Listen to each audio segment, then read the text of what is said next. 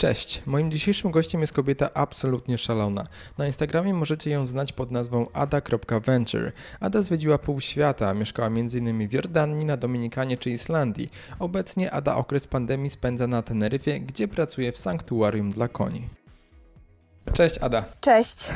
Powiedz mi trochę coś o sobie dla tych, którzy nie kojarzą Ciebie. Czym się zajmujesz i gdzie mieszkasz w tej chwili? Nazywam się Adriana Czerwińska. Zajmuję się różnymi rzeczami w różnych miejscach na świecie. W tym momencie jestem na Teneryfie i pracuję w sanktuarium dla koni, ale mieszkałam też na Islandii, w Jordanii, na Dominikanie. Zwiedziłam około 50 krajów, głównie autostopem. Zwierzęta i podróże to, to w skrócie ja. Powiedz mi o Twoim sposobie podróżowania, bo chyba on jest dosyć taki, e, powiedziałbym, niecodzienny. Tak, zaczęło się od zwykłych podróży na stopa.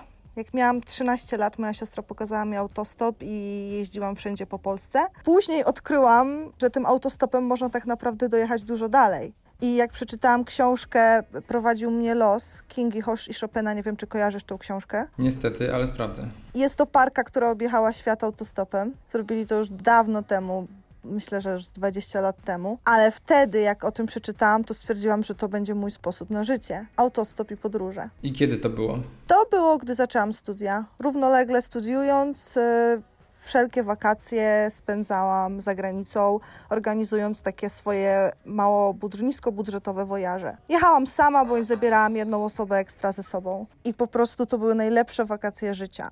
A gdzie studiowałaś i, i co studiowałaś w tym czasie? Wiesz co, no nie będę oryginalna, bo studiowałam turystykę międzynarodową, a później przyrodniczą i w międzyczasie robiłam jeszcze taką szkołę weterynaryjną, technika weterynarii. Także robiłam dwa kierunki. I udało się skończyć tą szkołę przy takim trybie życia? Udało się, ale tylko dlatego, że studiowałam turystykę. Jak na przykład dostałam propozycję wyjazdu do Stanów, bo dostałam, e, że tak powiem, darmowy bilet i mogłam polecieć na miesiąc. I jak rozmawiałam o tym z moimi wykładowcami, czy to będzie problem, co będę musiała później powtórzyć, douczyć się i czy w ogóle powinnam jechać i zostawiać studia na tyle czasu, to oni wszyscy jednogłośnie mówili, proszę jechać, pani się tam więcej nauczy niż u mnie na zajęciach. Także miałam, przez to, że studiowałam turystykę, to oni akceptowali wyjazdy, nawet w roku szkolnym. No okej, rozumiem, że jako studentka pewnie nie miałaś dużo kasy na podróże, więc musiałaś ciąć mocno koszta. Jaka była Twoja pierwsza destynacja? Moim pierwszym pomysłem było Maroko, także od razu Afryka, od razu musiało być grubo. Pamiętam, stanęłam u siebie w Jarosławiu pod Biedronką na przystanku i pierwszy stop był do Katowic, następnie był Wrocław, a później już Niemcy. Pamiętam, cała podróż zajęła nam miesiąc czasu, byłam z dwa lata młodszym kolegą od siebie i mój fundusz wynosił, uwaga, 100 euro. I tak, udało się objechać, udało się wrócić, wszak okradli nas tam. Nie miałam e, portfela, pieniędzy i aparatu, także wróciłam bez zdjęć. Ale to jakby zapoczątkowało serię, serię po prostu podróży, które odbywały się później przez następne 6 lat co wakacje. I miałam takiego bzika na tym punkcie, że pamiętam w 2011 roku pojechałam w ciągu jednych wakacji do Maroko jeszcze raz, oczywiście zrobić te zdjęcia, które ukradli, ukradli mi dwa lata wcześniej.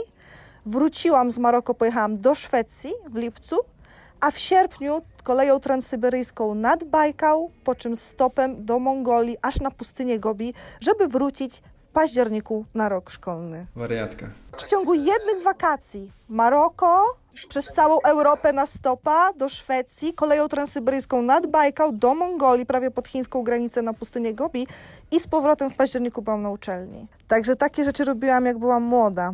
No wiesz, no cały czas jesteś młoda, tak naprawdę. Powiedz coś więcej, no, jak ten wyjazd dokładnie wyglądał. Wiesz co, no ja nie pamiętam już tak dobrze, bo to było ponad 10 lat temu. Po prostu je- jechaliśmy na stopa głównie ciężarówkami i wtedy tak jakby stawiałam swoje pierwsze kroki w tych wyjazdach zagranicznych na stopa, że okej, tą ciężarówką jednak dojedziesz wszędzie, ale dużo wolniej. Więc później na przykład jak nam zależało na czasie, to już nie łapaliśmy tirów, nie łapaliśmy ciężarówek, tylko staraliśmy się łapać takie busy, które w nocy jechały, bardzo mm, jakby sz- szybko musiały się przemieścić, tak? Więc e, i one nie miały przerw. Także później już sobie na przykład wybieraliśmy samochody, którymi chcieliśmy podróżować. No i to była ta wolność, to było to spanie, gdzie się chciało, wstawanie, o której się chciało, jedzenie, gdzie się chciało i co się chciało. To po prostu nie gonił cię czas i to był najpiękniejsze, to były najpiękniejsze chwile w moim życiu wtedy. A w których krajach najłatwiej Wam było złapać stopa? A w których najtrudniej może? Na Bałkanach bardzo dobrze mi się łapało stopa, pamiętam. Tam ludzie, też wprawdzie byłam 10 lat temu, ale tam ludzie są niesamowicie gościnni. Nie dość, że się zatrzymują, to jeszcze bardzo często zabierają cię do domu. Y, Mówię tutaj o takich krajach jak Bośnia, jak e, Czarnogóra, e, Serbia, nawet w Gruzji. W Gruzja jest niesamowicie gościnna, tam też się super jeździ stopem, ale każdy, kto, kto jeździ, kto jest podróżnikiem, ten wie jak jest. Okej, a gdzie spaliście? Zawsze w namiocie na dziko. Na dziko to znaczy gdzie? Szukaliście jakichś miejsc y, namiotowych, czy po prostu gdziekolwiek się rozbijaliście? Gdziekolwiek, gdzie było w miarę bezpiecznie, gdzie było cicho, y, staraliśmy się też, wiadomo, jeżeli byliśmy przy autostradzie, no to odejść troszeczkę od autostrady, y, ale zazwyczaj szukało się takich cichych miejsc po prostu na rozbicie namiotu. A jakie są najlepsze miejsca na rozbicie namiotu? Czy gdzie powinno się mm, rozbijać namiot, a gdzie raczej nie? Znaczy zależy, bo na przykład jak bywałam w miastach, czasem jest tak, że jesteśmy gdzieś w mieście i też potrzebujemy rozbić namiot, a nie chcemy iść do hostelu, bo to, to były te jeszcze czasy, kiedy naprawdę miałam bardzo niski budżet podróży. No to po prostu szło się do parku, do parku, na plażę, jeżeli była.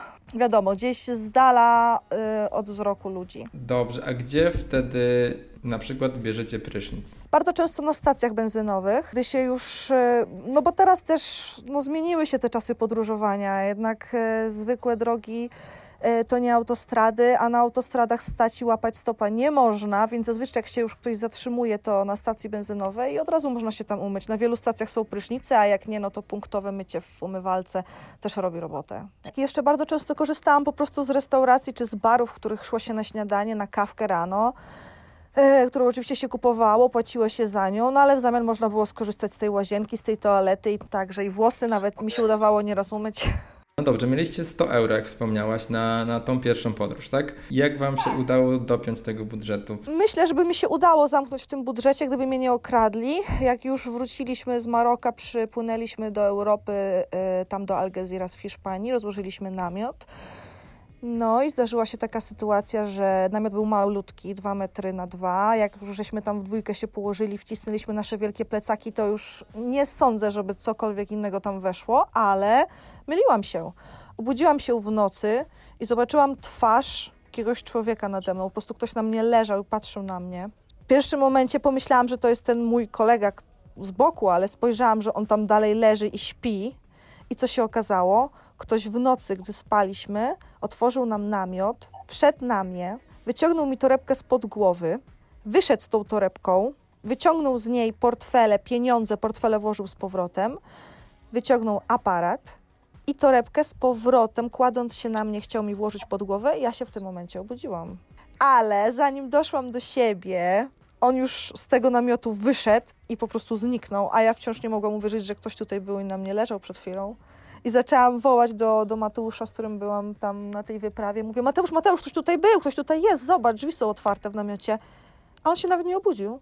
Jakiś koleś po nas skakał, a on się nie obudził. Goli i weseli. Mieliśmy tam jeszcze zwiedzać Europę po drodze, no ale ja już byłam tak załamana, zwłaszcza tą utratą zdjęć, bo była to moja pierwsza podróż, w ogóle Afryka, wszystko fajnie. Już tych pieniędzy mi nie było żal, bo i tak już ich tam dużo nie zostało, ale te zdjęcia, więc już po prostu na jednego strzała wróciliśmy do Polski. Wśród podróżników zauważyłem, że często takim pomysłem właśnie jest praca tymczasowa, często fizyczna. Mm, Jest to praca albo na farmach, albo jest to praca jakaś, nie wiem, no na pewno nie jest to praca taka standardowa, biurowa, 4 miesiące, żeby mieć potem po prostu kasę na podróże. Tak, i to jest też e, mój sposób na życie również, aczkolwiek troszeczkę go em, zrewolucjonizowałam, on ewoluował, ale też zaczynałam od takich prac dorywczych, zarobkowych, głównie na, no jeździłam na winobrania, pracowałam chwilę na magazynie. Dopóki, e, dopóki nie doszłam do wniosku, że chcę zarabiać za granicą, ale robiąc coś, co lubię. Okej, i gdzie był taki przełomowy moment? taką znamienną po prostu w moim życiu, o której chciałabym opowiedzieć, była podróż, samotna podróż na Islandię i trwała ona miesiąc i również miałam ze sobą 100 euro. Co? Jak na tamte czasy, jak na Islandię i na okoliczności, no było bardzo, bardzo mało. Ale zmierzam do tego, że miałam też marzenia. Ja tam jechałam po coś. Chciałam strasznie zobaczyć wieloryby i delfiny. Chciałam popłynąć, oglądać wieloryby. W ogóle taka podróż kosztowała połowę mojego budżetu, bo aż 50 euro. A drugą rzeczą, jaką chciałam koniecznie zrobić, była jazda na kucach islandzkich. Nie wiem, czy słyszałeś, ale to są takie konie na świecie, które mają jeden bieg więcej niż wszystkie inne. Jak normalny koń idzie z tempem, kusem i galopem, tak kuc islandzki idzie jeszcze takim tyltem pomiędzy kusem i galopem, taki dziwny krok. Ja strasznie chciałam, chciałam tego doświadczyć. Uwielbiam konie, miałam własnego konia i, i jest to też coś, co robię po świecie, gdy podróżuję, to staram się jeździć konno. w, tych, w tych wszystkich miejscach. I co? I miałam te dwa marzenia i pojechałam tam z tym małym budżetem i okazało się, że się da je spełnić. Pukałam, pukałam po farmach obcych, tam gdzie widziałam, gdzie są konie i po prostu pytałam ludzi, czy za pomoc w gospodarstwie będę mogła sobie pojeździć. I w trzecim domu pani się zgodziła, powiedziała, żebym przyszła jutro. Miała kilka koni, mogłam u nich mieszkać, e, karmili mnie, ja pomagałam przy krowach, przy dojeniu krów i sobie po południu z tą panią jeździłyśmy konno. Po czym ona mi w ostatnią noc, bo tak się umówiłyśmy, że na kilka dni u nich zostanę, oświadcza, że ona wygrała na loterii bilet na oglądanie wielorybów w Reykjaviku dla czterech osób. Tylko ona zadzwoni i zapyta się, czy obcokrajowiec może z tego skorzystać. I dała mi ten bilet. Także okazało się, że zapukałam do tych drzwi, gdzie mogłam i pojeździć konno, i pooglądać wieloryby za darmo. No niesamowita historia, niesamowita i mm, z tego, co, co po prostu ja, ja wiem, podróżnicy bardzo często mm, są skazani właśnie na tego typu przypadki i tylko, tylko w czasie podróży takie przypadki się dzieją. E, I one są piękne, bo nie, nie przewidzisz ich. Dlatego ja przestałam, przestałam planować cokolwiek. Jak gdzieś nawet planowałam jechać, kupowałam bilet, to robiłam tylko taki plan z grubsza, bo wiedziałam, że życie i tak pokaże mi co innego. Po prostu los mną pokieruje. Wystarczy się oddać, ponieść temu. Co Ci się najbardziej podobało w Islandii? I czy rzeczywiście Islandia jest takim po prostu miejscem, gdzie natura to jest po prostu 99% e, tego kraju? Dokładnie, to jest kraina żywiołów. Tam naprawdę nie potrzeba wojny, żeby ludzie umierali. Oni o tym wiedzą wszyscy świetnie, że tam natura po prostu ich ich zabija, więc ludzie mają szacunek do niej. Jest też dużo takich zasad, że na przykład jak zbliża się jakiś sztorm albo ulewa albo cokolwiek, to masz prawo wejść do każdego domu, który, który jest na Islandii, po prostu się schronić. Każdy musi ci udzielić schronienia, tak? No tam, tam nie ma przelewek. No w tym roku, ja zresztą później zamieszkałam na Islandii, bo pracowałam przy psich zaprzęgach, ale no to jak były takie burze, śnieżyce, no to przecież no, ludzie odkopywali swoje stada y, koni, zwierząt, owiec spod kilku metrów śniegu. Ale poczekaj, jak to przy psich zaprzęgach? Opowiedz coś o tym więcej. miałam takie marzenie. To już, to już było właśnie dużo później, jak już stwierdziłam, że samo podróżowanie mi nie, nie, nie wystarcza w życiu. Troszeczkę mi się znudziło. Pojeździłam trochę, trochę zobaczyłam. No, byłam na, na czterech kontynentach i już trochę mi się te kraje zaczęły ze sobą zlewać, te widoki były takie same, już to morze od morza się za bardzo nie różniło. I też nie chciałam pracować robiąc cokolwiek albo zbierając owoce za granicą. Chciałam znaleźć jakiś sposób na życie. I, I takim pomysłem właśnie były psie zaprzęgi, jednym z pomysłów. Moja praca polegała, wiadomo, na robieniu wycieczek i pracu, pracy z turystami, ale też głównie z psami. To było mieszkanie z nimi, pracowanie z nimi i opiekowanie się nimi. Więc koordynowałam przebieg e, wycieczek, robiłam trening. Jakby te wszystkie psy, one miały jakieś relacje ze sobą, ty miałeś relację z każdym ze psów inną i te wszystkie psy miały relacje jeszcze osobne każde ze sobą. I ja tak naprawdę pracując z nimi też z nimi musiałam żyć i bardziej współpracować. Jakby nauczyłam się tego, jak tego kontaktu ze zwierzętami tam. To było trudne, bo nie wszystkie wiadomo, każdy pies był inny. Z tym chciał, z tym chciał biec, ale z tym na przykład nie mógł mieszkać, bo się zaraz gryzły. Wszystko było w porządku, przychodziłam rano, chciałam ubierać psy wszelki, zapinać do, do sanek, ale widziałam, że już te dwa ze sobą yy, nie będą biegły, bo się już pożarły w nocy. A kto z takich e, atrakcji korzysta i jak, ile taka atrakcja kosztuje dla turystów? To jest bardzo droga sprawa. To na polskie kosztuje około taka przejażdżka, która trwa 20 minut, tylko 20 minut. To jest około 4 km przejazdu. I przeliczając na złotówki, kosztuje to około 1000 złotych. Kogo obsługiwaliśmy, nie wiem, ale mieliśmy ludzi z Tajlandii, mieliśmy ludzi z Indonezji, bardzo dużo ludzi z Azji, głównie z Chin, ze Stanów Zjednoczonych też, z Niemiec, ale tak się zastanawiam, nie wiem, kim musieli być ci ludzie z Tajlandii czy z Indonezji, skoro ich waluta, wiadomo, jest no, dosyć, oni ludzie tam, wiadomo, nie zarabiają tak dużo, a jednak stać ich było na, na taką atrakcję. Czy psie zaprzęgi są popularną atrakcją na Islandii, czy to raczej było, był jakiś taki wymysł dla nie wiem, bogatych turystów. To jest wymysł dla bogatych turystów. Islandia w ogóle nie ma tradycji psich zaprzęgów. Tam ludzie przemieszczają się konno i jeżdżą głównie konno. Z tego co wiem, w tym momencie tam jest trzy firmy, takie większe, które organizują przejazdy, ale tylko nasza firma Inspiration Iceland zajmowała się, znaczy jakby dawała turyście możliwość prowadzenia sanek samemu. Bo jak pracowałam w Polsce rok później przy psich zaprzęgach, to nasi turyści nie mogli prowadzić sami sanek. Ja byłam jakby maszerem, osobą odpowiedzialną za zaprzęg i w środku w sankach w torbie miałam turystę.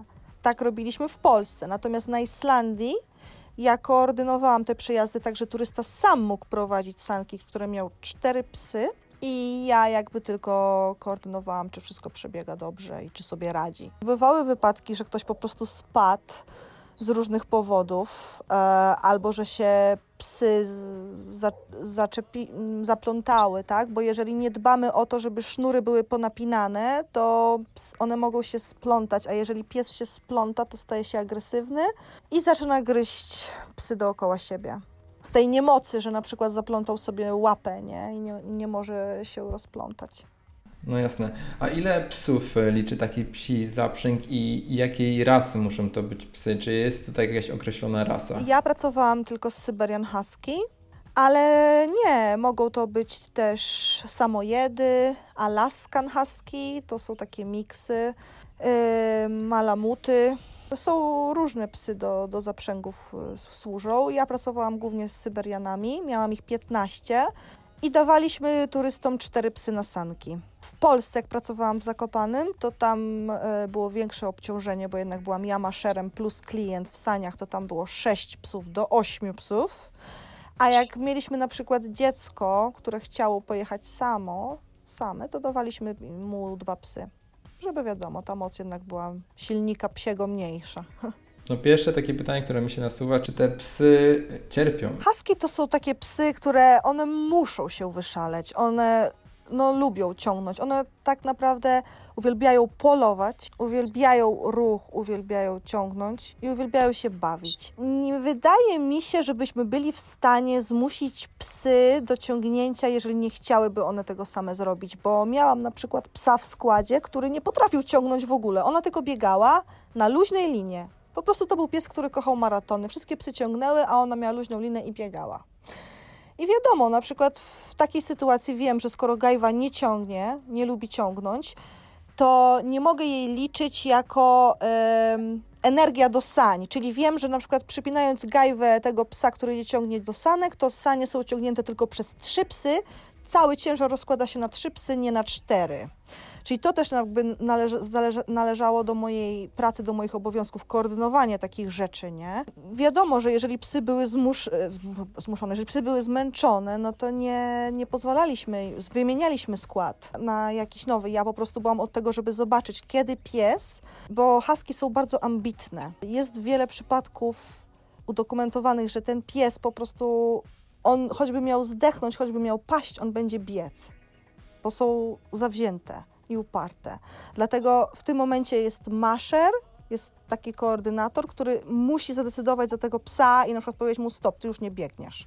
Więc yy, nie, one jakby nie chciały tego robić, to by tego nie robiły. To jest wszystko indywidualne podejście, trzeba mieć indywidualne podejście do każdego psa. A czego tam się najbardziej nauczyłaś na Islandii? I co, co było dla Ciebie zaskoczeniem podczas y, pobytu na Islandii? Co było dla mnie zaskoczeniem? Pamiętam, wiesz co, taki moment... Yy, kiedy był grudzień, świeżo tam przylecieliśmy i, i było minus 13 stopni, a dwa dni później było plus 10. Grudzień, Islandia. 23 stopnie różnicy w ciągu dwóch dni. To było chyba jedno z większych zaskoczeń, jakie mnie tam spotkały. Pewnie wydać się to dziwne, że akurat o tym mówię, ale 23 stopnie różnicy w ciągu dwóch dni w grudniu na Islandii zrobiło na mnie wrażenie. Wiesz co, no nie jestem na, naukowcem, ale no, lodowce na Islandii topnieją. Nie, nie jest to raczej niespodzianką dla nikogo. Eee, także za kilka lat nie wiem, czy będą tam jeszcze jakieś lodowce. Zobaczymy. Także jak chcesz zobaczyć Islandię, to śpiesz się, bo za chwilę tam może już nie być za dużo lodu. Czy ty w związku z tym, nie wiem, żyjesz w sposób ekologiczny, powiedziałbym? Tak, staram się. Od y, paru lat nie jem mięsa, staram się nie jeść mięsa. Staram się też nie, nie kupować dużo, jakby ten cały konsumpcjonizm kupowania non-stop tych nowych rzeczy, które się psują w sklepach, w tych sieciówkach. Staram się też tego nie robić. Raczej ubieram się na szmateksach albo kupuję coś już podczas moich podróży, co wiem, że mi się przyda albo bardzo mi się podoba i nie jest to made in China. Także no, staram się oszczędzać wodę, prąd. Ale odpowiadając na Twoje pytanie, tak, staram się. No dobrze, czyli byłaś na Islandii. Co dalej? E, na Islandii, no na Islandii to w sumie byłam niedawno, bo niecałe dwa lata temu, ale jeszcze wracając, wracając do moich czasów takich podróżniczych, pierwszym państwem, e, w którym się zakochałam, postanowiłam zamieszkać na dłużej, była Jordania. Jak tam pierwszy raz pojechałam, bo latałam swego czasu do Izraela dosyć często, tam też mi się podobało. Podobało mi się to połączenie e, właśnie kultury orientalnej z europejską te wszelkie miksy w postaci, w postaci jedzenia, w postaci ludzi. Bardzo, bardzo mi się to tam podobało. I tak mi się ten Izrael podobał, że zamieszkałam w Jordanii. po prostu jak raz pojechałam do tej Jordanii z Izraela, jak zobaczyłam Petrę, w międzyczasie tam się zakochałam jeszcze, to, to, już, to już tam zostałam. To znaczy przyjeżdżałam do Polski e, na parę miesięcy i wracałam tam. To wszystko trwało dwa lata. Eee, I postanowiłam wynająć tam mieszkanie, zrobić z tego Airbnb, dokładnie w Petrze Wadimusa. No i prowadziłam swój własny biznes.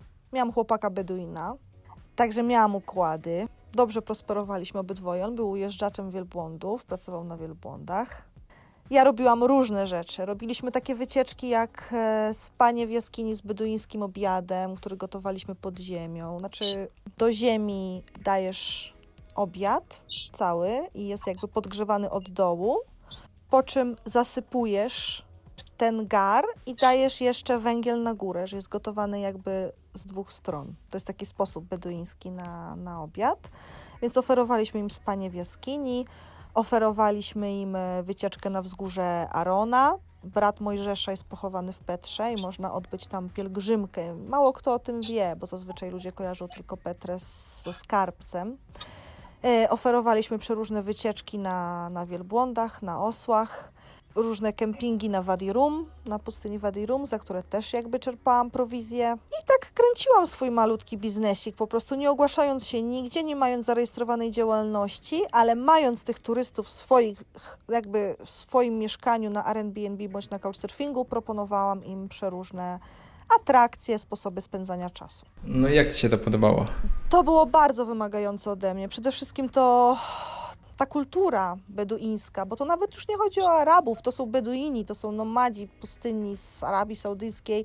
Oni mają własne prawo i jakby mają taką kulturę, no taką patriarchalną bardzo i mi, będąc kobietą tam, było ciężko, bo nie miałam praktycznie żadnych koleżanek poza tymi turystkami, które poznawałam, które przyjeżdżały do mnie na chwilę, więc jakby cały czas byłam skazana na męskie towarzystwo. A z jakich krajów najczęściej ludzie przyjeżdżają do, do Jordanii?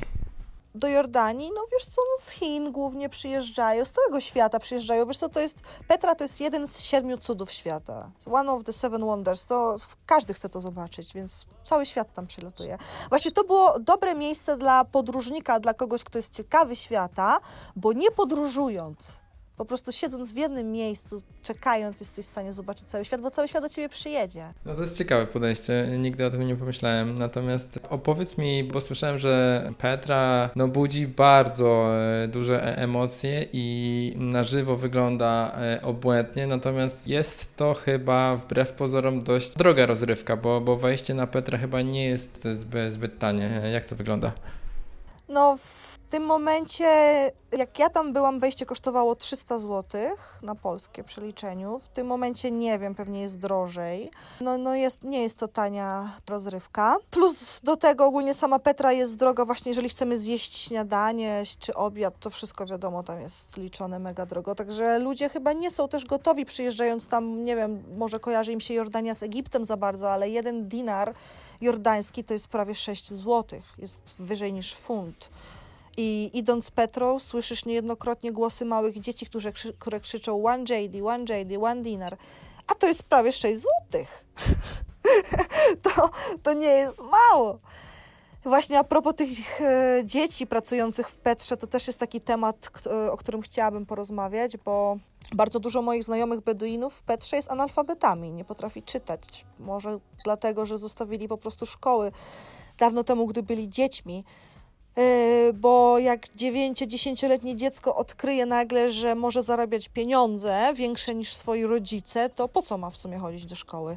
I w ten oto sposób dużo dzieci, dużo ludzi się tam zachowuje, bo turyści, którzy przyjeżdżają i widzą na przykład 10-letniego chłopca pracującego przy wielbłądach, to wiadomo, że pójdą pojeździć z tym 10-letnim chłopcem niż z jakimś starym dziadkiem, albo kupią te kamienie, albo pocztówkę od tego dziecka, a tym samym nie zdają sobie sprawy ci turyści, że zabierają tym dzieciom, czy zabierają, oni w sumie im dają, ale te dzieci tracą ochotę do, do nauki przez to, że zarabiają pieniądze. Ale co mi się tam najbardziej podobało, to po prostu ten duch przygody. To, że kupiliśmy tam, kupiłam sobie własnego osiołka. Jest to najlepszy środek transportu w tych górach, uwierzcie mi. Znaczy, najlepszym środkiem jest muł, ale no na muła mnie nie stać, bo taki muł w Jordanii kosztuje około 10 tysięcy złotych. To jest 2000 dinarów, czyli 10 tysięcy złotych kosztuje muł. Osiołek kosztował mnie około 2000 złotych. Wiem, w Polsce można pewniósło dostać za darmo, tam jest w cenie. Także yy, kupiłam własnego osła. Miałam, jak już wspomniałam, dużo kolegów. Koleżanek nie miałam, ale miałam dużo kolegów.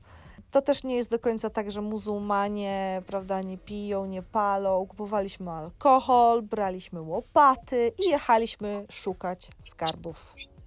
I po prostu takie rzeczy to mogą się dziać tylko tam. Różnie się mówi. Słyszałam, że 90, 80, ale może powiem 70, tak dla bezpieczeństwa, procent Petry znajduje się wciąż pod ziemią i nie opłaca im się tego wykopać. Znaczy, wciąż tam są prowadzone jakby wykopaliska archeologiczne non-stop. Nawet gdy ja tam byłam, to znaleźli siedem wielkich posągów. Wszystko pojechało do Wielkiej Brytanii, do muzeum. Tam Petra Jordania ma swój oddział. Ale no znalezienie czegoś takiego, wprawdzie te posągi nie miały głów, ale znalezienie czegoś takiego to są olbrzymie pieniądze na czarnym rynku. Oczywiście prawnie jesteś zobligowany oddać to, e, powiadomić o tym, wiadomo, straż, policję, jeżeli coś znajdziesz i oddać to do, do muzeum. Wtedy może ktoś ci uściśnie ci rękę, powie dzięki fajnie, albo możesz po prostu to, co znajdziesz, sprzedać e, na czarnym rynku. Stąd bardzo dużo ludzi, właśnie Beduinów, tam jest, no, bogatych, tak. Co można znaleźć? Można znaleźć monety, można znaleźć ceramikę wzbogaconą różną, e, można znaleźć lampy, takie stare lampy oliwne, mm, no wszelką ceramikę, tak, jakieś kubki, wyroby, biżuterię. Można znaleźć e, figurki, jakby wazony, tylko żeby miało to jakąkolwiek wartość, to musi być tam mi- minimum 80% tej części musi być w całości, tak? Jeżeli mamy tylko ucho od kubka, no to jest to bezwartościowe. Mm, Wiesz co, bo nie wiem, czy każdy zdaje sobie sprawę, ale mm, powiedziałeś, że większość e, Petry jest e, pod ziemią. Z czego to wynika? Bo być może, że nie wszyscy, nie wszyscy wiedzą. Okej, wynika to z tego, że w Petrze y, nastąpiło trzęsienie ziemi.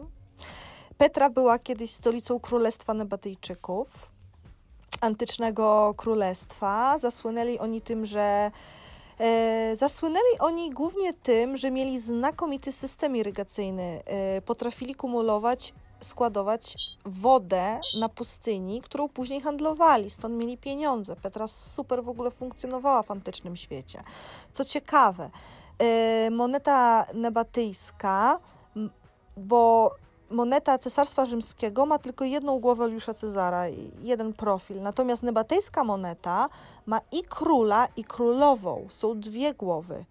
I z tego, co mi opowiadali, to w tamtych czasach po śmierci króla jego władzę przejmowała królowa. Była tak samo ważna, nie syn. I też w tamtych czasach kobiety mogły mieć właśnie swoje biznesy, miały więcej praw. I po czym zostało podbite przez Imperium Rzymskie. No i wiadomo, e, zaczęli tam budować, i tam jest i kościół bizantyjski, i jest takie mini amfiteatr, jest taki. Po czym nastąpiło trzęsienie ziemi i wszystko legło w gruzach aż do 1800, żeby was nie skłamać, 80 któregoś roku, kiedy pewien szwajcarski podróżnik właśnie pielgrzymkował, pielgrzymował na grób Arona, brata Mojżesza, odkrył przy okazji Petrę. I wtedy Petra jakby zaczęła odżywać na nowo, ale już była zamieszkana przez, przez Beduinów. A powiedz mi, jak wyglądają relacje w tej chwili e, Jordanii z Izraelem i jakie są różnice, e, jakie ty różnice widzisz między e, po przyjeździe właśnie, bo słyszałem, że przyjechałeś właśnie bezpośrednio z Izraela do, do Jordanii. Jakie są różnice? Wiesz co, y, kontakty Izraela z Jordanią były dobre i są dobre. Y, w ogóle Jordania jest jedynym krajem na Bliskim Wschodzie takim, który, który jakby y, pomaga uchodźcom zewsząd, bo tam są ludzie i z Libanu, i z Syrii, i przecież z Palestyny, i z, i z Iraku ich tam mieszka, i z Egiptu mnóstwo. Po prostu Jordania to jest taki przylądek bezpieczeństwa na Bliskim Wschodzie. I, I z Izraelem też mają właśnie super kontakty. Znaczy super, no super nie super, no ale powiedzmy są ugodowe. I jak ja to oceniam? No ja miałam straszne problemy w Izraelu, jak już zamieszkałam w tej Jordanii, miałam jordańskie wizy i chciałam nawet na chwilę wyjechać i wyjechać, to z, no z taką no, złośliwością, agresją spotykałam się w Izraelu strasznie, w związku z tym mi się to nie podobało. Zaraz myśleli, że jestem jakimś agentem. Szukali mi, musiałam dwie godziny siedzieć naga w samych majtkach i, i tam szukali mi na lotnisku, jeździli mi jakimiś dziwnymi sprzętami po, po piersiach, po głowie, szukając bomby we włosach, nie wiem gdzie, wszędzie. Yy, sprawdzali mi laptopa, telefon, pytania o wszystko. Czy jak spałam na couchsurfingu u tego Araba, to czy w tym samym łóżku, czy w tym samym pokoju. Yy, kim była moja babcia, co robił mój dziadek, ile mam pieniędzy, tego skąd znam, a jak byłam wcześniej w Izraelu, to z kim i czy mogłabym podać numer telefonu do tych ludzi. Dzwonili do tych ludzi, dzwonili do wszystkich ludzi w Izraelu, których znam, potwierdzić moją tożsamość. No, Izrael jest fajny, ale w momencie, kiedy zobaczą, że masz jakieś połączenie z krajami arabskimi, nawet z taką Jordanią, z którą mają bardzo ugodowe kontakty, to zaczynają się właśnie takie, takie akcje, które mogą być mniej przyjemne. Na lotniskach zwłaszcza. Okej, okay, a czy były jakieś historie w Jordanii, które najbardziej zapadły Ci w pamięć? Myślę, że taką największą moją przygodą, znaczy przygodą, takim przeżyciem które się tam wydarzyło, był jak zapłonął samochód, którym wiozłam turystę i sama utknęłam w płonącym samochodzie, nie mogąc się z niego wydostać. Nie wiem, czy takie rzeczy e, w ogóle się dzieją, bo też słyszałam, że samochody niby się nie zapalają, że tylko na filmach, ale, ale jednak się zapalają. I pamiętam, e, to był akurat Polak na mojej wycieczce Pojechaliśmy na wycieczkę, chciałam mu pokazać małą Petrę, bo wszyscy w ogóle też myślą, że Petra jest tylko jedna, a jest jeszcze mała Petra, która była starsza niż ta zwykła, prawdziwa Petra, którą każdy zwiedza. E, więc jest jeszcze mała Petra niedaleko, nawet starsza, i tam właśnie zabrałam mojego turystę z Polski, który siedział z przodu obok kierowcy. Nagle kierowca oznajmił nam, że pobawi się teraz w mechanika. E, Wyłączył samochód, zgasił silnik, otworzył maskę z przodu przed samochodu, otworzył maskę i nagle był wybuch. Auto zapłonęło, dym zaczął się dostawać do środka. Ja siedziałam z tyłu, oczywiście jak na jordański standard samochodów przystało, nie miałam klamki nawet, żeby otworzyć sobie drzwi. E, I tylko zaczęłam krzyczeć do mojego turysty: uciekaj, uciekaj, run, run, run. I, i po prostu kierowca uciekł, turysta uciekł, a ja zostałam w środku i waląc dłońmi w szybę krzyczałam, żeby ktoś mnie wypuścił. Jak na filmach. No skończyło się tak, że kierowca po chwili zauważył, że jednak mnie nie ma i że nie biegnę, więc pewnie dlaczegoś nie mogę i wrócił po mnie i otworzył mi drzwi. I zaczęliśmy wtedy już wszyscy uciekać w trójkę. Jak tylko spojrzałam po prostu za siebie już oddali, e, zobaczyłam, że właśnie kable płoną pod samochodem, płonie maska i, i płonie pod samochodem. I kierowca podbiegł do jakichś ludzi, wziął baniaki z wodą i ugasił ten pożar. Bo w ogóle sam fakt, że nie bał się podejść do tego samochodu później, jak już, jak już płonął naprawdę. E, no ale podszedł i, i ugasił ten pożar. No a ja kontynuowałam wycieczkę, żeby było zabawniej.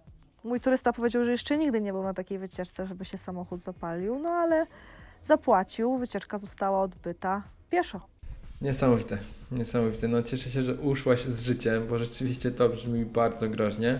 Mm, No dobrze, a czy coś jeszcze takiego poza tym e, w Jordanii się stało? Bo e, z tego co, co wiem, więcej takich chyba sytuacji miałaś. Zdarzyła mi się taka sytuacja, bo mieszkałam w tej Wadymusie już chwilkę, tak? I miałam tego chłopaka Beduina i wielokrotnie mówiliśmy, zwracaliśmy, zwracaliśmy uwagę e, ekspedientom w sklepie, że no, no i nie jestem turystką, tak? Mieszkam tutaj, pracuję tutaj, zarabiam tutaj i chcę po prostu płacić lokalne ceny, bo uważam, że mi się należy, bo, bo nie jestem przyjezdna. A wiadomo, jak to ta arabska tradycja targowania się na czym polega. Tylko, że no ja nie kupowałam dywanów, kupowałam jedzenie w sklepie, chleb, pieczywo i po prostu nawet po tym, jak zwracaliśmy uwagę wielokrotnie na ten temat, nawet mój chłopak wtedy ingerował i mówił do, do tych ludzi, żeby dawali mi normalne ceny, bo to i tak on płaci, a nie ja.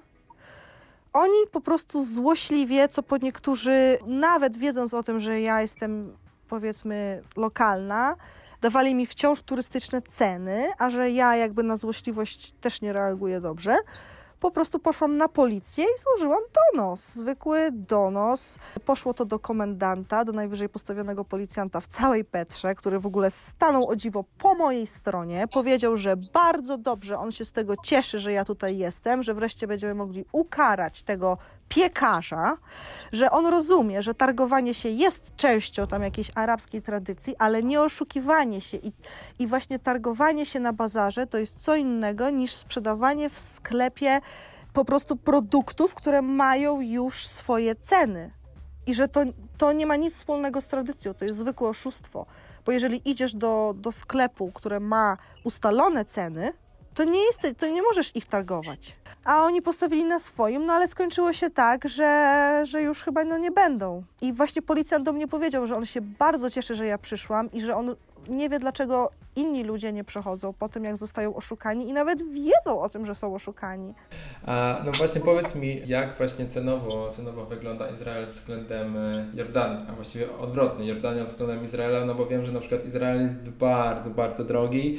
Jak, jak to w Jordanii wygląda? Jordania nie jest aż taka droga, jeżeli chodzi o życie, jeżeli chodzi o jakiś obiad czy tam spanie w hotelu, no to jest dużo tańsza y, niż Izrael.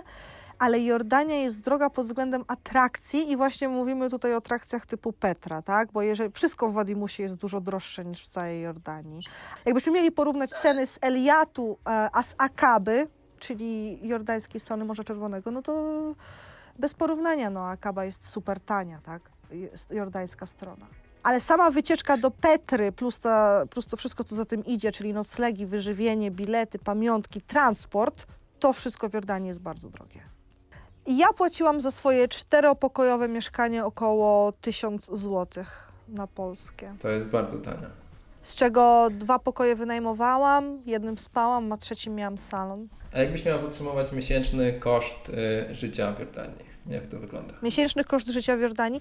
Ale wiesz co, ja mieszkałam z Beduinami i tak jak już wspomniałam na początku, to, to nie są tacy normalni Jordańczycy, to są ludzie, którzy mieszkają w bardzo małej społeczności, w Petrze w dodatku, w wielkich rodzinach swoich, gdzie tak naprawdę jada się razem, więc też te pieniądze nie są tak bardzo potrzebne, bo oni tam wszyscy mieszkają tymi wielkimi rodzinami w tych domach i po prostu no, nie potrzebują pieniędzy na, na przeżycie, na życie tak dużo. I ja jakby będąc dziewczyną tego jednego z Beduinów, też mogłam korzystać z tego wszystkiego. Chodzić, wiadomo, jeść do, do jego ciotki, do jego mamy, do kogoś tam. Co chwilę byłam, wiadomo, zapraszana.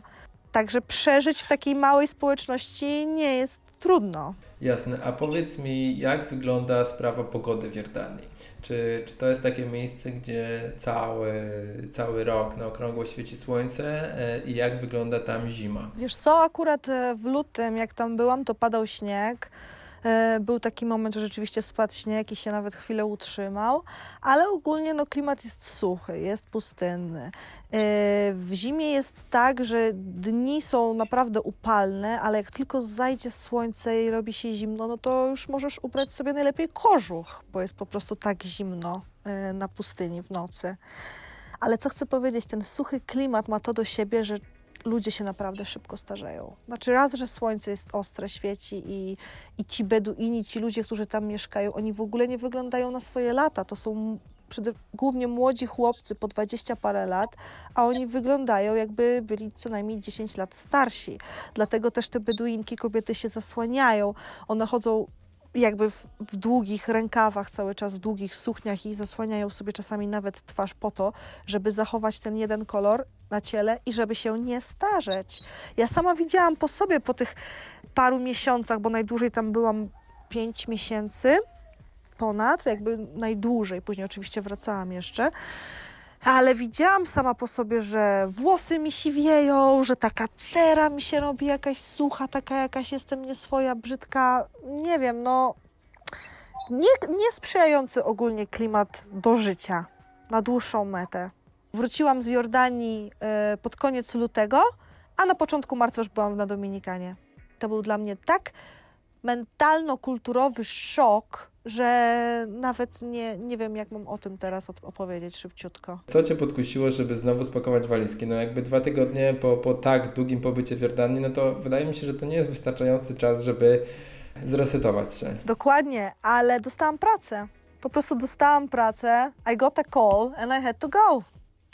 Moja koleżanka mi powiedziała właśnie, że szukają pilota wycieczek na Dominikanie żebym się zgłosiła. No to się zgłosiłam. E, Miałam rozmowę przez Skype'a i mój przyszły, przyszły, przeszły szef powiedział, że dostanę tą pracę, jeżeli do tygodnia będę na Dominikanie. I tak też było. Po tej Jordanii, po tym siedzeniu tam z tymi Beduinami, którzy jakby cały czas mi, wiadomo, tłumaczyli o honorze, o szacunku, o tym, jak kobieta powinna wyglądać, zachowywać się, żeby jej nie uszanowali, to, tamto, wiadomo. Trafiłam po prostu do kraju rozpusty, no, narkotyków, tak, prostytucji.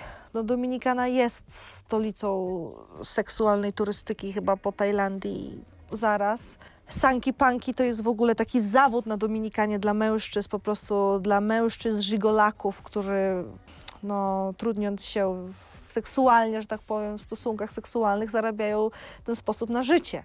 No i ja po prostu z tej takiej Jordanii muzułmańskiej wpadłam po prostu w te sidła rozpusty karaibskie na Dominikanie. I musiałam się bardzo szybko przestawić i było mi bardzo trudno. No to rzeczywiście szok kulturowy e, i przewrót o 180 stopni. Powiedz, gdzie mieszkałaś i jak wyglądała Twoja praca? Mieszkałam e, niedaleko Punta Cana w Bawaro, przy wybrzeżu kokosowym Costa del Coco. To jest takie najbardziej popularne miejsce na Dominikanie. Pracowałam dla polskiej firmy, robiąc wycieczki po polsku dla Polaków i mieliśmy trzy rodzaje wycieczek, na które zabierałam turystów, pracując sześć razy, sześć dni w tygodniu. Jest bardzo dużo Polaków i coraz więcej polskich firm. Z tego co wiem, w tym momencie już, już jest chyba cztery polskie firmy na Dominikanie, które trudnią się w polskich wycieczkach. Ale kolejny raz było bardzo ciężko. Tak jak na Jordanii, tak jak w Jordanii doskwierało mi to, że no nie mam tych koleżanek za bardzo, głównie jestem z kolegami swoimi, tak na Dominikanie również doskwierał mi brak znajomych, bo szybko się okazało, że Dominikańczycy może, po, może zabrzmi to brzydko, dopóki tego nie wytłumaczę, ale trochę inny rodzaj człowieka niż my. Nie, że gorszy, lepszy, tylko po prostu inny rodzaj człowieka. To są ludzie bardzo interesowni.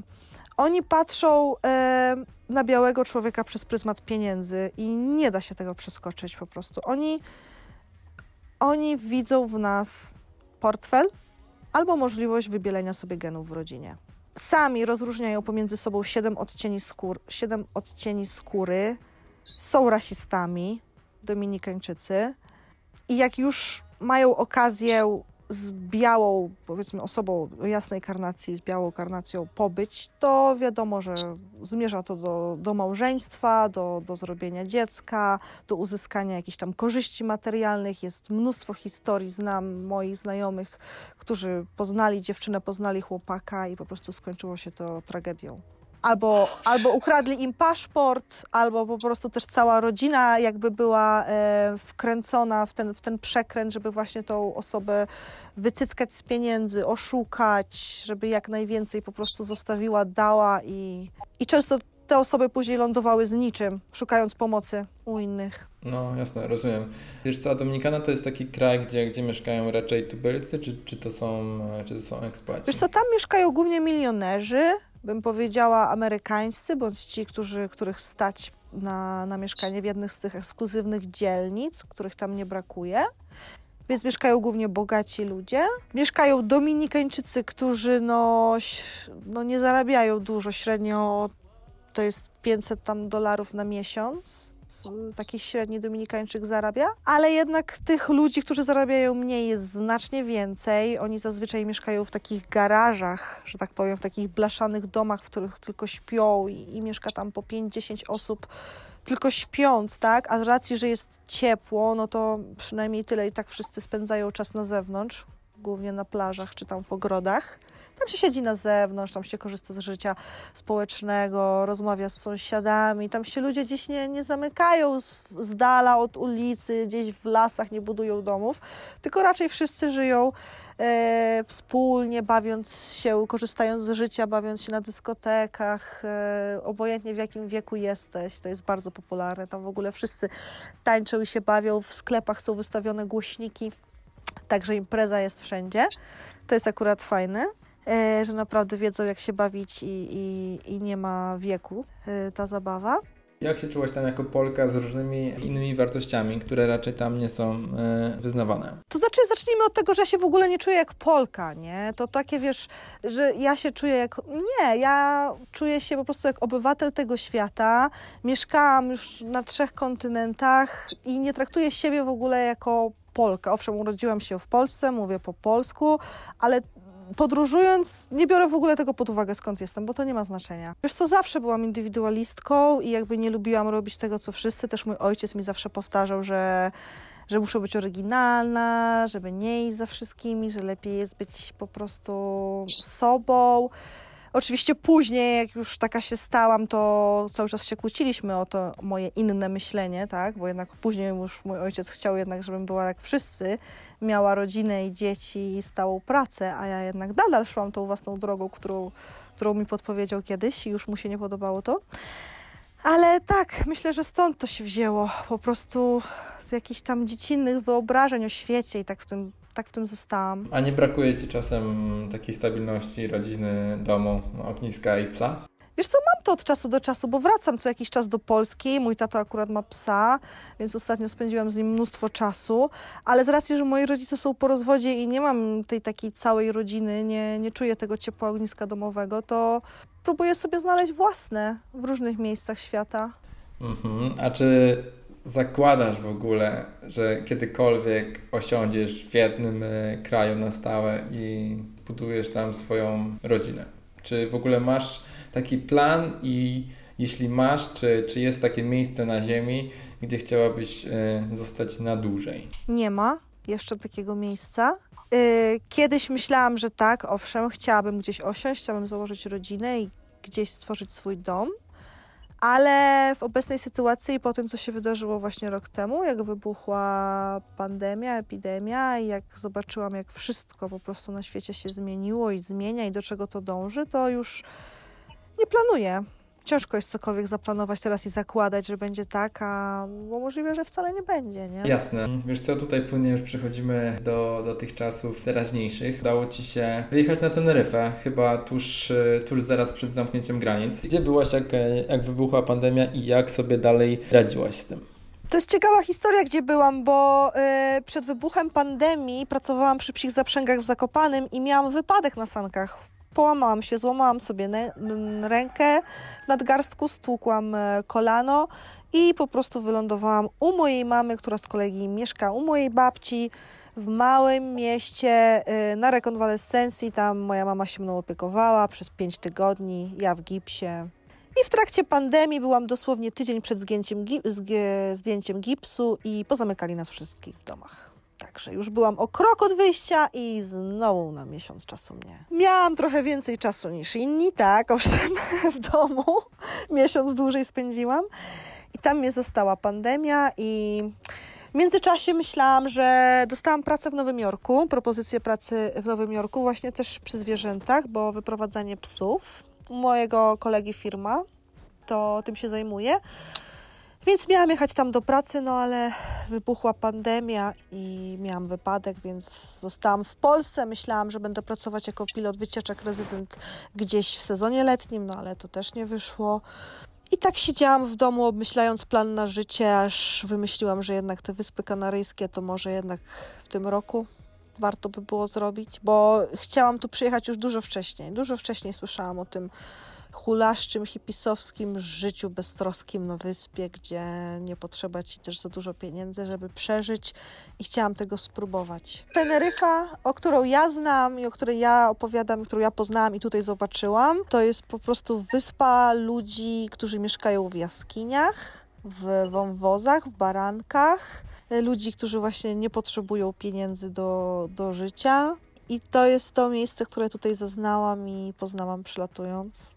W ogóle turystów tutaj żadnych nie ma. Teraz, zwłaszcza jak jest teraz koronawirus, to hotele stoją puste. Zresztą sama wiem, bo sprzedaję w czasy w apartamentach tutaj na Teneryfie. To, to turystów prawie nie ma. Patrzę właśnie sobie teraz na zdjęcia Twoje e, z Teneryfy ostatnie, no i to wygląda jak z Mad Maxa wszystko. Dokładnie tak, ale wiesz o tym, że Mad Maxa kręcili na Teneryfie, No nie? dlatego właśnie mi się skojarzyło z Mad Maxem.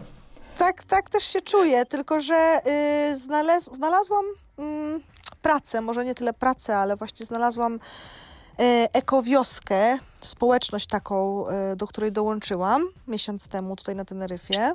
Także już nie, nie jestem bezdomną hipiską mieszkającą w jaskini. Mieszkam teraz właśnie w ekospołeczności, gdzie wszystko, co mamy, mamy z odzysku, z recyklingu. I jesteśmy też sanktuarium dla koni i małych zwierząt. Także ratujemy zwierzęta po całej wyspie. Zapewniamy tutaj im dom, opiekujemy się nimi. I w zamian za to możemy tutaj mieszkać i korzystać z wszelkich dobrocieństw farmy. Niesamowite, czyli tak naprawdę jesteś tam za darmo, tak?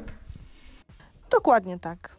I jestem pod wrażeniem, jak świetnie to jest wszystko zorganizowane i jak będąc właśnie taką organizacją non-profit, jak jesteś w stanie sobie pozałatwiać właśnie wszelkie dotacje, donations ze sklepów, z piekarni, wszystko co się nie sprzeda w piekarni, to nie idzie do wyrzucenia, tylko na przykład jedzie do nas.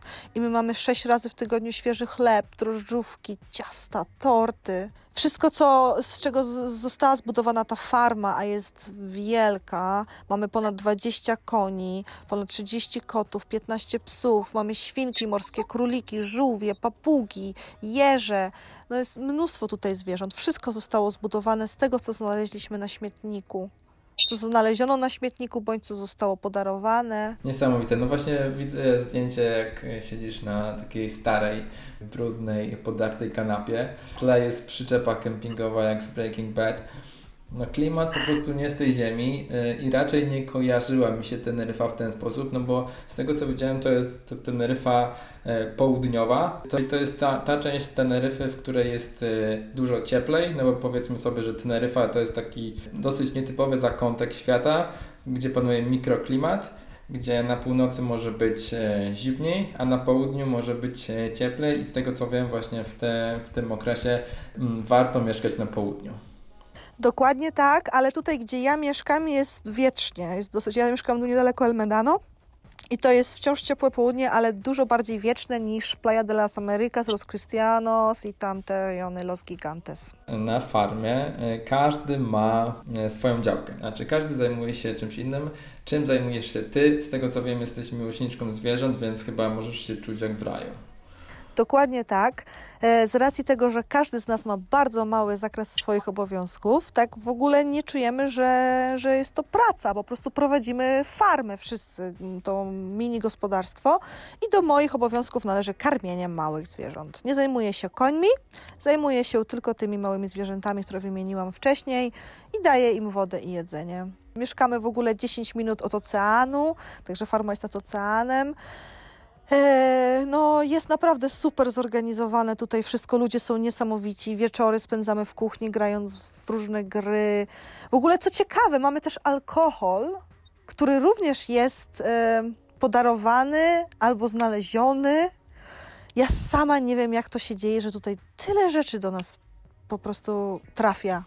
Mamy tutaj właśnie jednego, a propos tego zakresu obowiązków, no to jest człowiek, który jeździ samochodem i jeździ właśnie po te rzeczy. I na przykład ma umówioną godzinę, kiedy jeździ do piekarni, jeżeli oni zamykają, to, to jeździ po te rzeczy, co zostały, jeździ do Lidla po jakieś tam rzeczy dla nas, jeździ tutaj po, że tak powiem, lokalnych em, śmietnikach.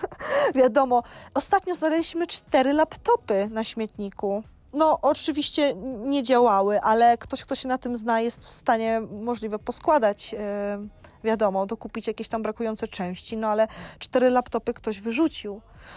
E, Także można znaleźć naprawdę różne rzeczy, też działające. E, Też dużo ludzi wspiera nas w związku z tym, co robimy, e, ratując tutaj te zwierzęta, więc jakby przekazują nam przeróżne rzeczy. Powiedz mi jeszcze jedną rzecz. E, Ile rzeczy zabrałaś na Teneryfę?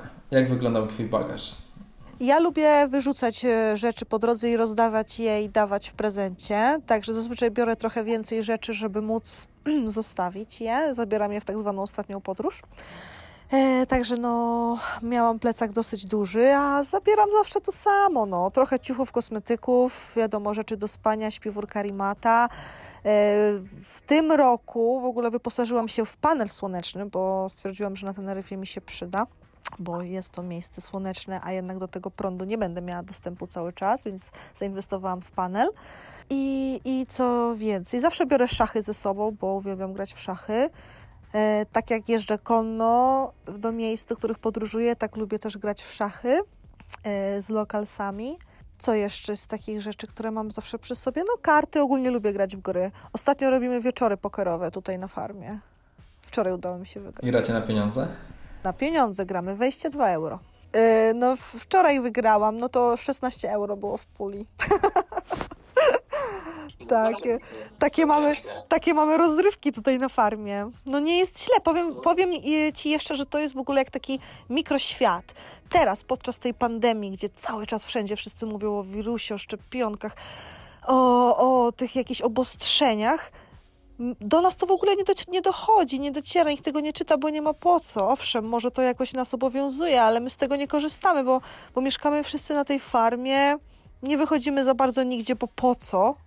Chodzimy na, na plażę i z powrotem co najwyżej, jeździmy konno. W ogóle niesamowite jest też to, że możemy tutaj jeździć konno. Eee, No i, i co? I po prostu żyjemy w tym mikroświecie z dala od tego wszystkiego, co się dzieje. To jest, to jest piękne, bo ja myślałam, że, że są takie społeczności, jakieś ekoosady w Polsce też, ale jednak znaleźć taką, gdzie by się ludzie ze sobą dogadywali na tyle, żeby chcieli ze sobą oprócz tego, że pracować, to jeszcze spędzać czas po pracy i dogadywać się, wspólnie żyć, cieszyć swoją obecnością, to takich miejsc chyba jednak ciężko jest znaleźć takie miejsce, nie? Ile godzin dziennie pracujesz e, i skąd pochodzą e, ludzie, z którymi no, właśnie pracujesz i spędzasz wolny czas? Zaczynamy o 8.30. O 11.00 mamy przerwę na śniadanie. W ogóle śniadanie mamy podane i ugotowane na ciepło, bo mamy kucharza tutaj, człowieka właśnie od gotowania, który też nam robi obiad, także to nam odpada. To jest też super, że mamy podane po prostu pod nos. Także y, średnio nam to, co robimy, powinno zajmować 5 godzin do 14.00. Ale to nikt cię nie kontroluje, nikt cię nie sprawdza. Do moich obowiązków należy karmienie zwierząt, więc wiadomo, muszę je nakarmić, tak?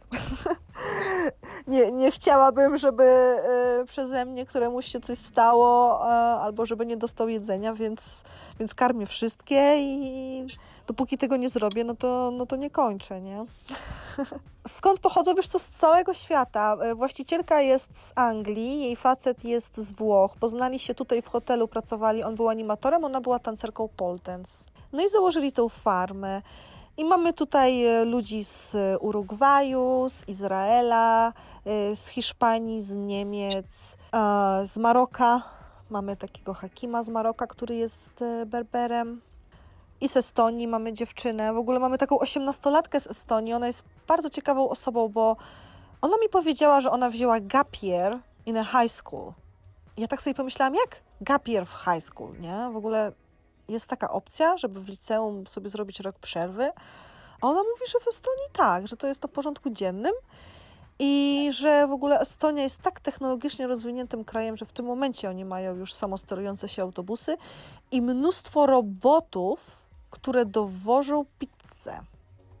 I ona mówi, że Tallinn jest pełny takich mini robotów, które dowożą ludziom pizzę i jest ich tam, nie wiem, ponad 500 czy 1000 po chodnikach jeżdżących z pizzą. Okej, trochę mnie zaskoczyłaś, bo wydawało mi się, że Estonia, e, no nie kojarzyła mi się Estonia e, z, z technologiami. Mi też nie, mi też nie i też jestem zaskoczona, dlatego o tym mówię, bo wydaje mi się, że warto o tym powiedzieć, bo nie, nie tylko my jesteśmy zaskoczeni. No jasne. A, a, a powiedz mi jeszcze, e, czy jeśli ktoś by się chciał wybrać na tą farmę teraz czy w przyszłości, czy jest taka jeszcze szansa, że ta farma przyjmuje jeszcze innych e, chętnych? Oczywiście, że jest szansa. Ogólnie jako wolontariusz ciężko jest się tutaj dostać, bo bardzo dużo ludzi chce się tutaj dostać. Z tego co wiem, Emma dostaje po 20-30 zapytań dziennie, po prostu od tych, zazwyczaj pewnie od tych hipisów mieszkających w jaskiniach, którzy też chcą się tutaj schronić. Ale bierze ludzi, potrze- tylko takich konkretnych ludzi, które, którzy są jej potrzebni do konkretnych rzeczy. Na przykład dzisiaj przyjechał do nas nowy wolontariusz Stefan z Francji, który zajmuje się e, natural building. On po prostu buduje no, budowlę domy z naturalnych, naturalnymi sposobami. Ale oprócz zostania wolontariuszem można też nas tutaj odwiedzić, na przykład jako influencer. To wydaje mi się bardzo ciekawą opcją, bo oferujemy nocleg e, w jurcie, w mongolskiej jurcie w stylu mongolskim, z dostępem do własnej kuchni, do własnego aneksu i do własnej łazienki na Teneryfie. Tydzień czasu za darmo, dosłownie 15-10 minut od morza piechotą do oceanu. I dajemy ten nocleg mongolskiej jurcie na naszej farmie e, w zamian za relacje na Instagramie i za promocję nas. A jak długo zamierzasz tam zostać? Powiem Ci szczerze, że nie wiem, nie mam planów. Też jak wspomniałam wcześniej, współpracuję z takim krakowskim biurem podróży i sprzedaję w czasy na Teneryfie takie tygodniowe apartamenty. Też mamy bardzo dobre ceny. Nie wiem, czy to jest miejsce na promocję, ale może, nie wiem, czy powinnam o tym mówić, 140 euro za tydzień czasu mamy dla całej rodziny w czterogwiazdkowym apartamencie. Normalnie noc kosztuje 75 euro, ale dzięki tej promocji płacimy y, za dwie noce i dostajemy tydzień. Więc to jest jakby mój dochód w tym momencie finansowy, jaki posiadam, stąd biorę pieniądze. Więc dopóki będę je miała, myślę, że zostanę na tej farmie, bo nie widzę póki co lepszego miejsca dla siebie. Teneryfa jest takim miejscem, gdzie warto spędzić zimę. Jest tam e, przez nasze bardzo ciepło teraz e, w styczniu. Dokładnie. E, Jest ciepło, ale powiem Ci, że nie aż tak. Ostatnio w ogóle pada deszcz prawie codziennie. No i jest tak 22 stopnie w dzień. Nie jest jakoś super ciepło. Czy taka forma życia Tobie odpowiada? Czy czujesz się szczęśliwa? Tutaj na Teneryfie tak. Czuję się bardzo szczęśliwa, ale wcześniej, co mogę powiedzieć, mi bardzo doskwierało, to był właśnie brak tych znajomych, może nie, bo jednak znajomych mam wielu, ale brak takiego życia towarzyskiego, bo jednak zmieniając to miejsce co chwilę i, i ludzi wokół siebie, to mm, sprawia, że nie ma cię w ich życiach. Jakby twoi znajomi trochę o tobie zapominają, no bo nigdy cię nie ma, więc już cię jakby nie zapraszają, nie wliczają cię nigdy w swoje tam imprezy, no bo nigdy cię nie ma, tak? I jakby tego mi brakowało po prostu, bo w tych wszystkich miejscach, w których byłam i później nawet wracając do, do Polski, to jakby czułam, że już, że no nie mam tych znajomych w, e, wokół siebie tylu, ilu miałam i ilu bym chciała mieć po prostu. Bo wszędzie em, zajmuję jakieś tam miejsce, poznaję ludzi, których muszę później zostawić i poznać nowych. I te wszystkie znajomości się jakoś rozchodzą, stasi znajomi trochę zapominają. Wiesz, na przykład w tej sytuacji, w której jestem teraz, gdzie oprócz tego, że znalazłam super miejsce do, do mieszkania w gronie zwierząt, to jest też także w gronie super ludzi, z którymi dzielę ten czas, więc w tym momencie nie narzekam na nic, bo w tym momencie po prostu wygrałam wszystko. Wygrałam i zwierzęta, i znajomych, i miejsce, i, i super zajęcie, i nie mam na co narzekać. Domyślam się, że jak przyjdzie ci po prostu stamtąd wyjechać, to będzie ci ciężko po prostu rozstać się z tymi ludźmi, bo się pewnie z nimi zżyjesz. No natomiast niewykluczone, że no, będziesz miał znajomości i być może kiedyś jakiś wspólny, e, wspólna wyprawa czy biznes może też dojść do, do skutku. Pewnie, ja zawsze w życiu stawiałam na znajomości. Jakbym mogła dać komuś jakąś radę e, a propos tego, w co warto inwestować w życiu, to bym powiedziała, że w znajomości. To jest bardzo ciekawe, bo y, tak jak tutaj rozmawiamy, mm, te wszystkie miejsca, które odwiedziłaś i te wszystkie prace, które podjęłaś, y, nie wiem czy zauważyliście, ale najczęściej mówiłaś, że wyjechałaś tam lub y, dostałaś pracę, bo znałaś kogoś, bo ktoś do ciebie zadzwonił, bo ktoś ci zaproponował. Nigdy nie powiedziałaś, że weszłaś na stronę i szukałaś pracy. Nie. Ale na Facebooku właśnie dwie prace, które dostałam przy tych psich zaprzęgach właśnie na Najstan druga w Polsce, to było przez Facebooka. Widziałam ogłoszenie na Facebooku, na które zaaplikowałam i tak dostałam tą robotę. Czy zwierzęta rzeczywiście odgrywają w Twoim życiu ważną rolę? No ja jestem bardzo empatyczną osobą y, w stosunku do, do zwierząt. Wydaje mi się, że mam tą empatię rozwiniętą y, dosyć, dosyć mocno. Potrafię się wczuć, jest mi przykro, jak widzę, że jakiemuś zwierzęciu dzieje się krzywda. E, Nawet jestem bardziej empatyczna w stosunku do zwierząt niż do ludzi czasami, ale to, co mnie tak najbardziej fascynuje, to jest chyba właśnie to, ten poziom porozumienia, jaki możemy osiągnąć e, między gatunkami. Czyli na przykład to, jak ja bardzo byłam w stanie nawiązać więź, właśnie pracując z tymi psami, załóżmy przy psich zaprzęgach. Pracowałam też wcześniej e, z kapucynkami e, w Boliwii. To o tym jeszcze, jeszcze nie wspominałam, właśnie w Rescue Center dla dzikich zwierząt. To też było ciekawe przeżycie. No ale wracając do tych psów, to, to dla mnie największą frajdą było obcowanie z nimi i, i to, jak bardzo my się poznawaliśmy. Mm, w ogóle ta cała, cała nasza relacja, tak, z każdym z tych psów, jak wyglądała, jak ja potrafiłam e, wiedzieć, jakby be, może bez słów to, to nie trzeba o tym mówić, bo wiadomo, że psy słów nie używają, ale jakby to, jak bardzo potrafiliśmy się zrozumieć i, i nawiązać więź, i, jak bardzo na przykład one chciały mnie oszukać, załóżmy, nie? A jak ja bardzo musiałam być przybiegła i nauczyć się myśleć jak pies, żeby, żeby bo mogło to prowadzić do, do naprawdę no, do katastrofy. Załóżmy, zamykałam je na karmienie kości, wiadomo, dawałam każdemu psu kość, ale bywały psy, które na przykład zamykałam do pomieszczenia, tak, dawałam kość, ale on, on jej nie zjadł, ten pies, tej kości, tylko ją schował. Tylko, że on w tym pomieszczeniu, wiadomo, nie mieszkał zawsze, tylko przybywał tam na zjedzenie tej kości, więc ja przychodząc, zobacząc, że kości nie ma, brałam psa, ale gdybym później do tego pomieszczenia wpuściła trzy inne psy i one by znalazły tą kość, to one by się o nią pogryzły i mogłoby być naprawdę groźnie, nie? Więc widzisz, ja musiałam za każdym razem, nawet robiąc takie takie normalne, yy, zwykłe rzeczy, myśleć, zastanowić się, czy ona aby na pewno ją zjadła i czy może jej nie schowała, a jak już ją schowała, to gdzie? I wiesz, i, i, i takie miałam rzeczy, takie miałam rozkminy po prostu codziennie. Ale staram się, no nie wiem, zwierzęta mnie lubią, raczej mam tak, że, że psy mnie lubią. E, Z kotami w sumie średnio, z kotami nie mam doświadczenia w ogóle, powiem szczerze, ale, ale z takich zwierząt, co miałam swoich prywatnych, no to miałam konia, e, miałam ptaka egzotycznego gwarka, którego uczyłam mówić. Miałam psy, miałam królika, także to są takie zwierzęta. Z małpami też miałam sporo styczności, a, ale no więcej to zwie, ze zwierząt to raczej nie. Jasne, a jak miałabyś wybierać y, mm, życie w dużym mieście, a mm, na wyspie wśród y, natury, to co byś wybrała? Ja w ogóle nie uważam, żeby życie w dużym mieście miało sens. Dla mnie to jest w ogóle jak hodowanie ludzi. To to, jak oni mieszkają w tych blokach i patrzysz na to z zewnątrz, widzisz te kwadratowe, prostokątne balkony, to to wygląda po prostu jak hodowla ludzi. To może, za, to może jest przykre, to może zabrzmieć nawet głupio, ale, ale tak mi się to kojarzy. Jakby po prostu ludzie byli pozamykani w tych blokach i hodowani. To jest y, super ciekawe, co mówisz i y, teraz y, do głowy mi przyszedł taki film, który ostatnio oglądałem. Dziewczyny, która wyjechała do y, Tanzanii.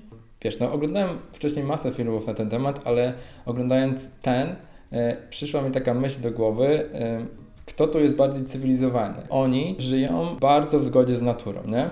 Oni mieszkają e, w takich jakby małych domkach, gdzie jest właściwie tylko łóżko i kuchnia, a tak naprawdę większość, e, większość dnia spędzają na zewnątrz, wśród natury, hodują zwierzęta, uprawiają roślinność, stają o, o wschodzie słońca, kładą się spać o zachodzie słońca i to jest ich sposób życia, nie? I teraz my jak patrzymy na to Europejczycy, to, to nam się wydaje to no dziwne, no. Oni nie chodzą do supermarketów, jakby oni nie, nie pakują jedzenia w plastik. Jak to jest? No to jest dziwne, nie? Natomiast, no nie wiem, wyda wydaje mi się, że ich sposób y, życia może no, w pewien sposób wyglądać bardziej atrakcyjnie nawet niż nasz. Oczywiście, no, ich sposób życia na pewno uczy nas, e, Europejczyków, tego, o czym my już po prostu zapomnieliśmy, że jednak jesteśmy częścią tej przyrody, czy chcemy, czy nie. Jesteśmy jej częścią i powinniśmy żyć w zgodzie z nią, nie jesteśmy, nie jesteśmy ponad nią.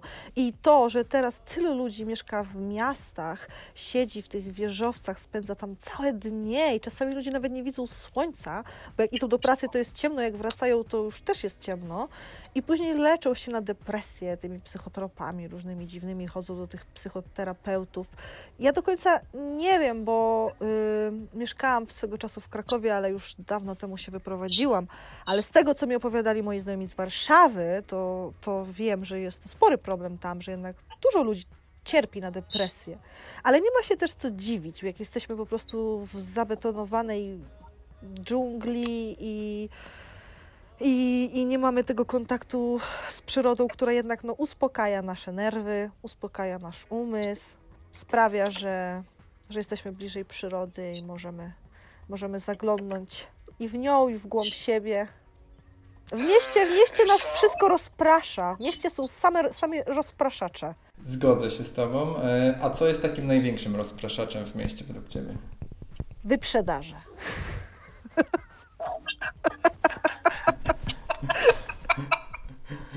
No, trafiłaś w, w setkę. Co jeszcze? No co jeszcze? Wiesz co, na pewno transport jest e, takim, e, taką rzeczą, bo transport w dużym mieście zajmuje bardzo dużo czasu. W, ma, w mniejszej miejscowości, czy nawet na wsi, jak gdzieś żyjesz, chcesz dojechać z punktu A do B, zajmuje ci to chwilę, a w dużym mieście jednak im większe, to tym dłużej się jedzie, nie? Ja nie wiem, jak można tracić swoje życie na mieszkanie w Nowym Jorku, gdzie tyle czasu właśnie schodzi ci no, na nic. Owszem, możesz nauczyć się wykorzystywać ten czas, bo na przykład jadąc w metrze możesz czytać książki. Wtedy powiesz, że masz, o, mam tyle czasu na czytanie, nie? Owszem, ale czy rzeczywiście tak za każdym razem codziennie będziesz czytać książkę? Czy będziesz po prostu tak zmęczona po pracy, że będziesz spała całą drogę, nie? I tak spędzisz 50% swoich powrotów do domu, po prostu odsypiając tą, tą pracę i ten, tą drogę. Ja mam takie, taką swoją rutynę, że no, na przykład w sobotę rano oglądam zawsze e, jeden program i sobie robię coś dobrego do jedzenia i to jest akurat fajne. To jest taka fajna rutyna, która e, wyznacza mi, że okej, jest weekend. Też myślałam, e, jakby to się zabrać za może jakieś właśnie vlogi, kręcenie filmików. Nawet ten Instagram mi tak słabo idzie, bo mega późno zaczęłam tak naprawdę. Dopiero 3 lata temu zaczęłam prowadzić Instagrama.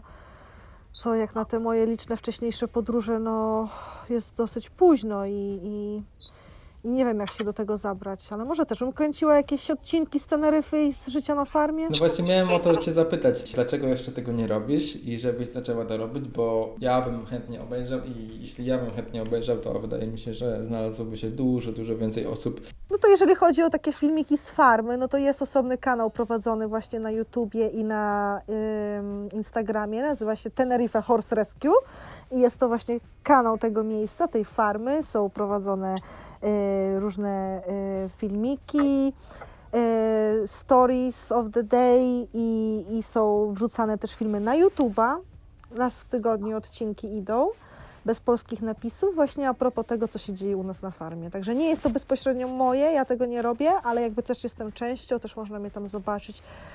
Także a propos życia na farmie, to takie coś jest w internecie, a co do mojego prywatnego życia, to myślałam o napisaniu po prostu książki, no bo już teraz mi nie pozostaje nic innego. Nie będę wklejała filmików sprzed 5-10 lat i zdjęć e, o tym, jak było, wiadomo, w Mongolii 10 lat temu, tylko trzeba będzie po prostu zebrać wszystkie swoje przygody do kupy i napisać książkę, bądź dwie, bo w sumie dużo tego jest, zobaczymy. Dobrze, ja trzymam za Ciebie kciuki, żebyś e, ruszyła z tym tematem. Powodzenia e, na Teneryfie, uważaj na siebie, bądź zdrowa, żyj po swojemu e, i inspiruj też innych. Dziękuję bardzo. Ja Tobie też życzę przede wszystkim szczęśliwego nowego roku. Jak mi to powiedział ktoś z moich znajomych, fajny tekst usłyszałam Merry Cosmos and Happy No Fear.